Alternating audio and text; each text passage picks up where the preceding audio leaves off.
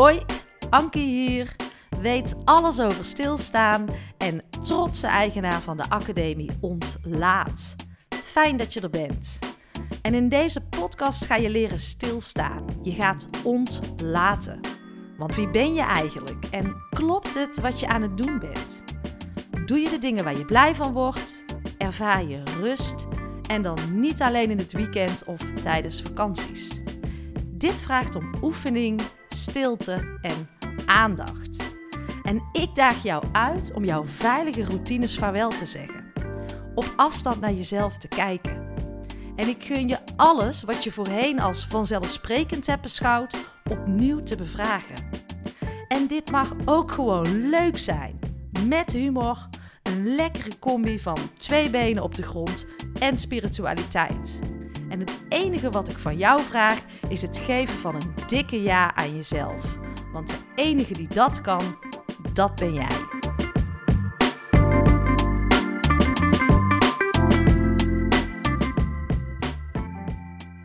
Lieve luisteraars, welkom. Maandagochtend, fijn dat je er weer bent. En uh, ja, tuurlijk hoop ik dat je lekker uit het weekend bent gekomen. Maar daar wil ik het uh, deze aflevering ook over hebben. Want waarom moet het altijd goed zijn en, uh, en perfect zijn? En uh, zijn we zo dat perfecte plaatje aan het nastreven?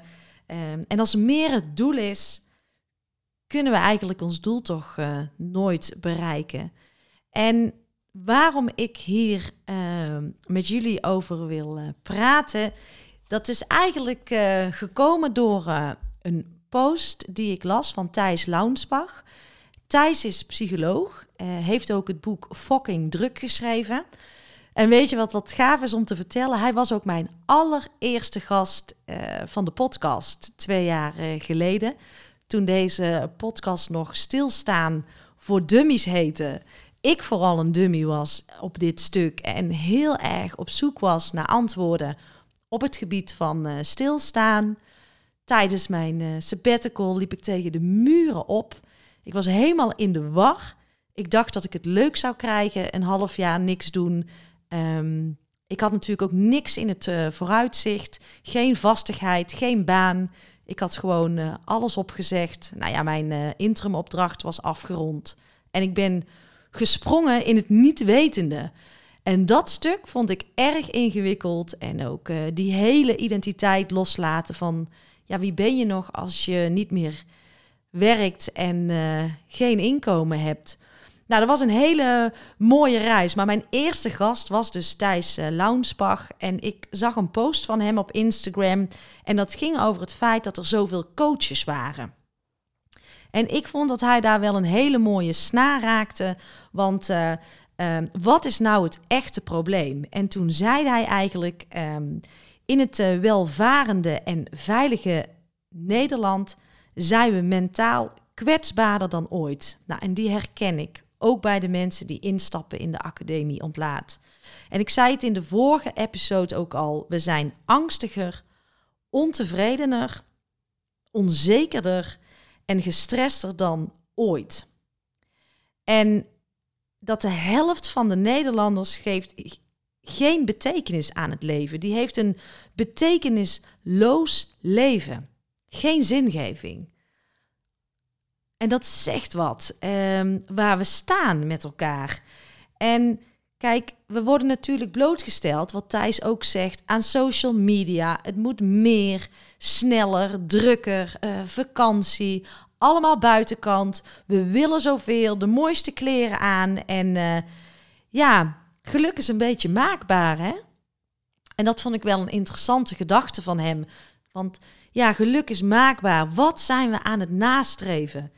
Wat mij betreft een, een leeg doel. Want als meer het doel is, dan ben je er nooit. En het zit volgens mij veel meer in dat interne geluk, in dat stukje zingeving wat we volledig kwijt zijn geraakt. Waardoor we continu, continu maar op zoek zijn naar dat uh, perfecte plaatje. En het lijkt dus ook of je altijd gelukkig moet zijn. En ik merk als ik dus uh, altijd mijn podcast start, de, de Onlys, dan uh, vraag ik altijd hoe was je dag of hoe ben je uit het weekend gekomen op de maandag. Dat zat me ook een beetje in de weg, omdat ik altijd het gevoel dacht te geven, of zelf ook had, ja, moet je dan altijd goed uit je weekend komen? Weet je, ik sta wel eens helemaal op van, uh, fuck, hier heb ik helemaal geen zin in vandaag. Of uh, ik ben moeilijk, chagrijnig, of ik voel me rot. Um, het verschil met hoe het vroeger was, is dat, ik er, dat het er niet mocht zijn. Ik zette het buiten mezelf. Als ik uh, gefrustreerd was, of ik voelde me afgewezen, of uh, er waren weer van allerlei oordelen. Ik was niet goed genoeg. Oh, nou, dan kon ik uh, onder een dekentje gaan liggen. Of ja, dat is misschien een beetje overdreven. Nou, ik heb echt wel die periodes gehad. En dan mocht het er niet zijn. Maar het is gewoon een stuk wat in onszelf, nou, bij ieder mens hoort en er gewoon mag zijn. En wat we gewoon ook mogen accepteren. En het klinkt zo simpel. En toch zijn we continu op zoek, op zoek, op zoek. En dan is het niet gek dat je bij een coach aan wil kloppen of uh, ergens uh, denkt hulp nodig te hebben. Maar maak het gewoon onderdeel van jezelf dat het leven soms gewoon af en toe heerlijk ruk is. En ook een langere periode. Want als je een beetje ongelukkig bent, dan heb je echt niet meteen hulp nodig. Maar het lijkt soms wel of we van alles moeten. We moeten allemaal in het ijsbad, uh, allemaal op spiritueel op zoek zijn. Terwijl ik denk, ja, als jij hier lekker gewoon met twee benen op de grond staat, doe het. Uh, Marieke van Meijeren noemde het ook spiritual fashion of uh, spiritueel Disneyland hoor ik ook wel. Moeten we allemaal de groene smoothies drinken?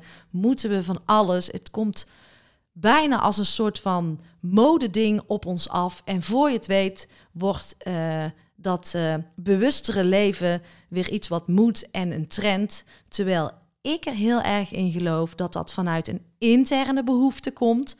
Een intern verlangen, een nieuwsgierigheid en dat jij je op zoek wil gaan naar wat bij, jij, bij jou past. Maar voor je het weet, ga je weer ja, ga je los in wat er allemaal aangeboden wordt. En ga je jezelf daarin verliezen. En ga je daar ook gewoon ontzettend veel stress van krijgen. En als je die ervaart, dan is hij niet zuiver als je het aan uh, mij vraagt. En dan even terug naar het moment dat ik stopte met uh, werken in 2019 toen uh, schaamde ik me. En toen ik ook een aantal vrienden uh, liever niet meer wilde zien, dat voelde als gezichtsverlies. En toen dacht ik, wauw, ik uh, schaam me dus. Um, wie ben ik dan? Heb ik me dus gewoon geïdentificeerd met iemand die altijd uh, werkte. En dan zeiden mensen ook tegen mij, dat is misschien ook wel leuk om te vertellen van, ja Anke, het is alleen maar voor de rijken. En toen dacht ik, oh nee, maar ik, ik ben helemaal geen rijke. En uh, zo wil ik absoluut niet gezien worden of daarmee geïdentificeerd worden. Maar zo zagen mensen het dus. Terwijl mijn stap echt, en tuurlijk had ik allerlei dingen door te werken om uh, beter uh, met meningen van anderen om te gaan. Ik stond helemaal niet stevig op dat moment. En ik voelde heel erg de interne behoefte om stil te gaan staan. ik wilde rust. Ik wilde niet meer dat drukke leven, altijd maar aan, uh, van vakantie tot vakantie leven. Ik vond dat het tijd was voor mijn eigen ik-BV. En dat was een heel sterk intern verlangen. Dat werd tenminste steeds sterker. Dus dat is denk ik het verschil. Het kwam van binnenuit. Alleen, ja, ik werd nog heel erg begeleid of geleid door wat anderen daarvan uh, vonden. En dat was een beetje het de tweestrijd die ik heel intens voelde in die tijd. En als ik nu soms wel eens terugdenk, denk ik, oh Ank, waar maakt je je druk om? Maar dat is wel oefenen en, uh, en dingen aangaan. Want de keerzijde is dat je het altijd zo blijft benoemen. Hè? Als uh, ja, het is weer de zoveelste trend en uh, ik moet ook nog wel een beetje kunnen genieten. Hoor ik ook heel veel mensen zeggen. Het kan ook een mechanisme zijn en die kan ik niet voor jou bepalen.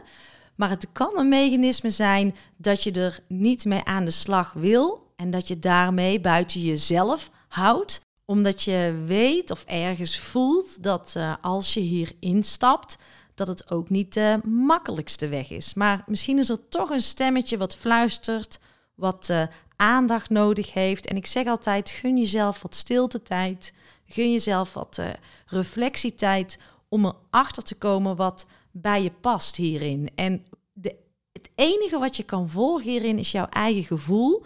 En dus niet wat er van buiten allemaal aangereikt wordt. Want ik geloof dat je dan hartstikke gek wordt. Ja, en dan zitten we inderdaad uh, allemaal uh, bij een coach. Maar als wij veel meer van binnen naar buiten gaan leven, uh, ook veel meer die donkere kanten gaan accepteren en toelaten en niet altijd op zoek zijn naar een leeg doel, dan hebben wij geen coach meer nodig. Hooguit wat uh, levens- en, uh, en sparringscoach. Ik, uh, ik zie het voor me. Kijk, en druk zijn is natuurlijk ook een, een hele makkelijke en veilige optie.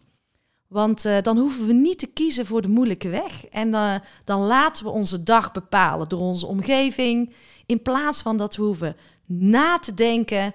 Um, zelf hoeven na te denken, is het natuurlijk makkelijk om altijd maar gewoon reactief te zijn en uh, te reageren en vooral uh, ook overal iets van te vinden. Het is zo vermoeiend. Um, en druk is ook een soort druk doen, is een soort gemakzucht. En het is uh, dus uitstellen van moeilijke zaken. En ja, ik ben benieuwd hoe die voor jou valt. En ik vind het altijd leuk als je het met mij deelt. En daarmee uh, help je mij, daarmee help je het bereik van de podcast. Uh, dat zou ik alleen maar uh, onwijs waarderen.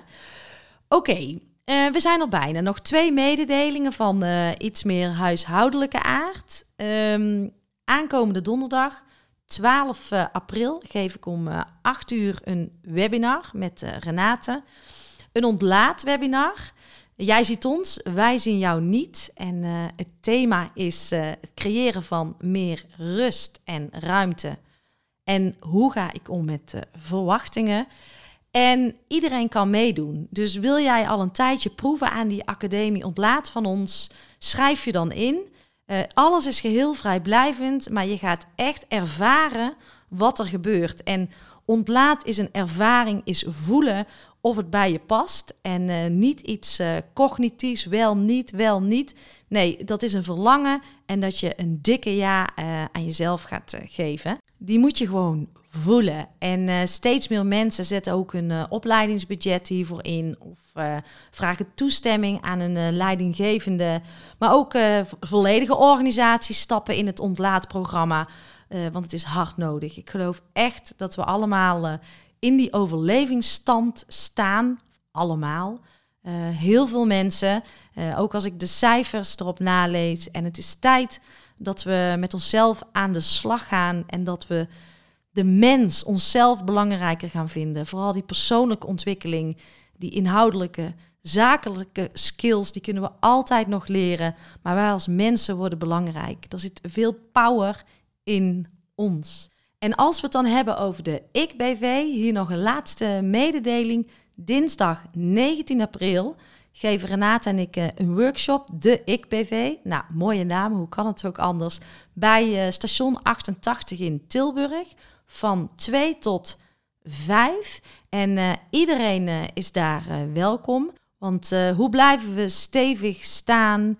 Um, hoe kunnen we en vertragen, af en toe stilstaan en uitzoomen? En uh, toch blijven gaan als een speer. En deze tijd van chaos en onzekerheid vraagt om, uh, om nieuwe vaardigheden, om nieuwe competenties. En daarom is het uh, tijd voor onze Ik-BV. Dat vraagt om aandacht, dat vraagt om onderhoud. De workshop is gratis. Je krijgt allerlei handvatten aangereikt voor jezelf natuurlijk. Want ik zeg altijd, alles begint bij jezelf van binnen naar buiten. En als wij iets in onszelf veranderen, verandert ook de wereld om je heen. En we geven je ook uh, handvatten hoe je het uh, kan aanpakken in uh, jouw eigen omgeving. Want wat ik echt met enige regelmaat hoor, is dat we allemaal de ballen maar in de lucht aan het houden zijn. En dat we op zoek zijn naar handvatten hoe we die mentale fitheid, die emotionele en fysieke fitheid ook, het welzijn van onszelf en van de mensen om ons heen, eh, ook in, in teams en organisaties, hoe we die weer ja, gezond kunnen krijgen, zodat we weer stevig staan, rust ervaren en toch wel in balans gaan komen. En laten we daar vooral niet alleen allemaal mee stoeien, maar laten we gewoon eens een keer de koppen bij elkaar steken. En dan zie ik je in de workshop de Ik BV. Je bent meer dan welkom. Nou, ik ben er vrijdag weer en uh, dankjewel voor het luisteren. Tot dan.